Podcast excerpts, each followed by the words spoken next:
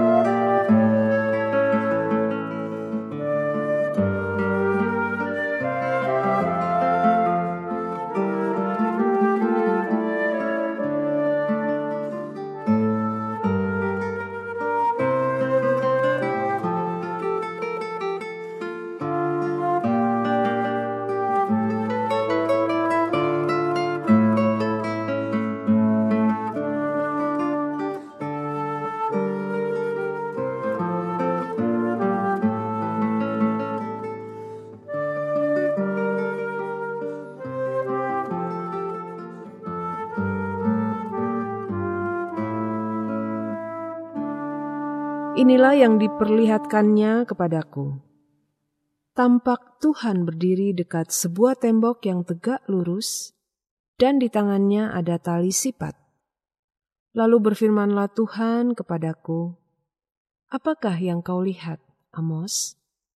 Jawabku, tali sipat. Berfirmanlah Tuhan, Sesungguhnya aku akan menaruh tali sipat di tengah-tengah umatku Israel aku tidak akan memaafkannya lagi. Bukit-bukit pengorbanan daripada Ishak akan dilicin tandaskan, dan tempat-tempat kudus Israel akan diruntuhkan, dan aku akan bangkit melawan keluarga Yerobeam dengan pedang. Amos pasal 7 ayat 7 sampai 9.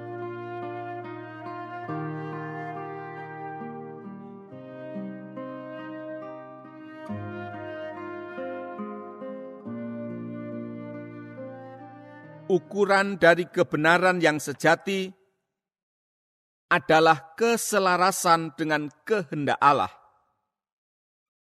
Perlu diingat bahwa apa saja yang lumrah di mata manusia belum tentu benar di mata Allah. Ukuran kebenaran yang digunakan oleh manusia bersifat berubah-ubah apa yang hari ini dianggap benar, besok bisa saja dianggap sebagai hal yang keliru.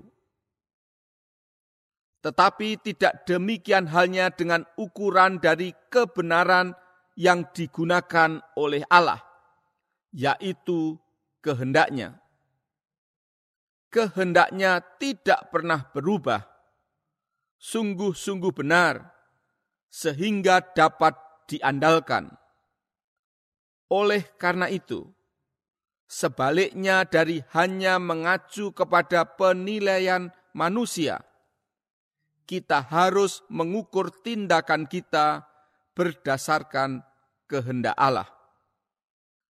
Tolok ukur dari kebenaran yang sejati inilah yang diperlihatkan Allah kepada Nabi Amos seperti yang dicatat di dalam Amos pasal 7. Di situ Amos melihat Allah sedang memegang sebuah tali sifat. Itulah tali yang digunakan orang untuk memeriksa apakah suatu tembok dalam keadaan tegak lurus atau miring. Melaluinya, Allah mengutarakan bahwa ia sedang memeriksa kehidupan umatnya berdasarkan ketaatan mereka terhadap firman-Nya. Apabila mereka hidup menyimpang dari kehendaknya, maka umatnya bagaikan sebuah tembok yang miring yang akan segera roboh. Berarti sebaliknya, dari hidup sekadar meniru lingkungan kita. Sebagai umatnya, kita harus hidup selaras dengan kehendak Allah.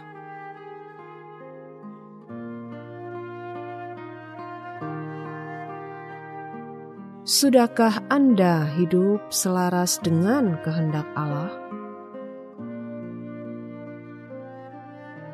Apakah buktinya?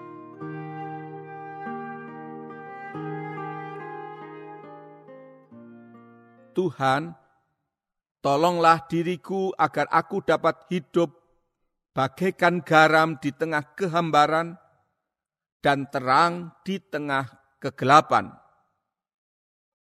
Mampukan diriku untuk hidup berbeda dengan dunia di sekitarku.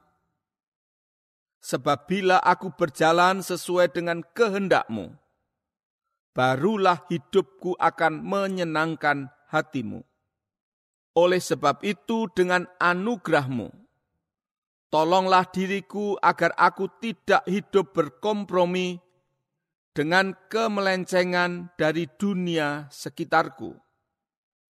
Tuntunlah diriku dengan roh dan firmanmu, agar aku senantiasa hidup sesuai dengan kebenaranmu. Ya Tuhan, aku bersyukur kepadamu karena engkau telah menyertai dan menuntun hidupku di sepanjang hari ini. Dengan firmanmu engkau telah menunjukkan jalan-jalan yang harus kutempuh di dalam hidupku. Dengan rohmu engkau telah menjaga langkah-langkahku, agar aku tidak menyimpang dari jalan-jalanmu. Di dalam penyertaanmu aku mengalami berkatmu yang berlimpah-limpah, sehingga keberhasilan senantiasa menyertai hidupku. Dengan penuh pengharapan kepadamu, aku menyerahkan masa depanku ke dalam tanganmu. Di dalam nama Yesus Kristus, Tuhan dan Rajaku, aku berdoa. Amin. Berdoalah untuk orang-orang yang sedang memerlukan dukungan doa Anda.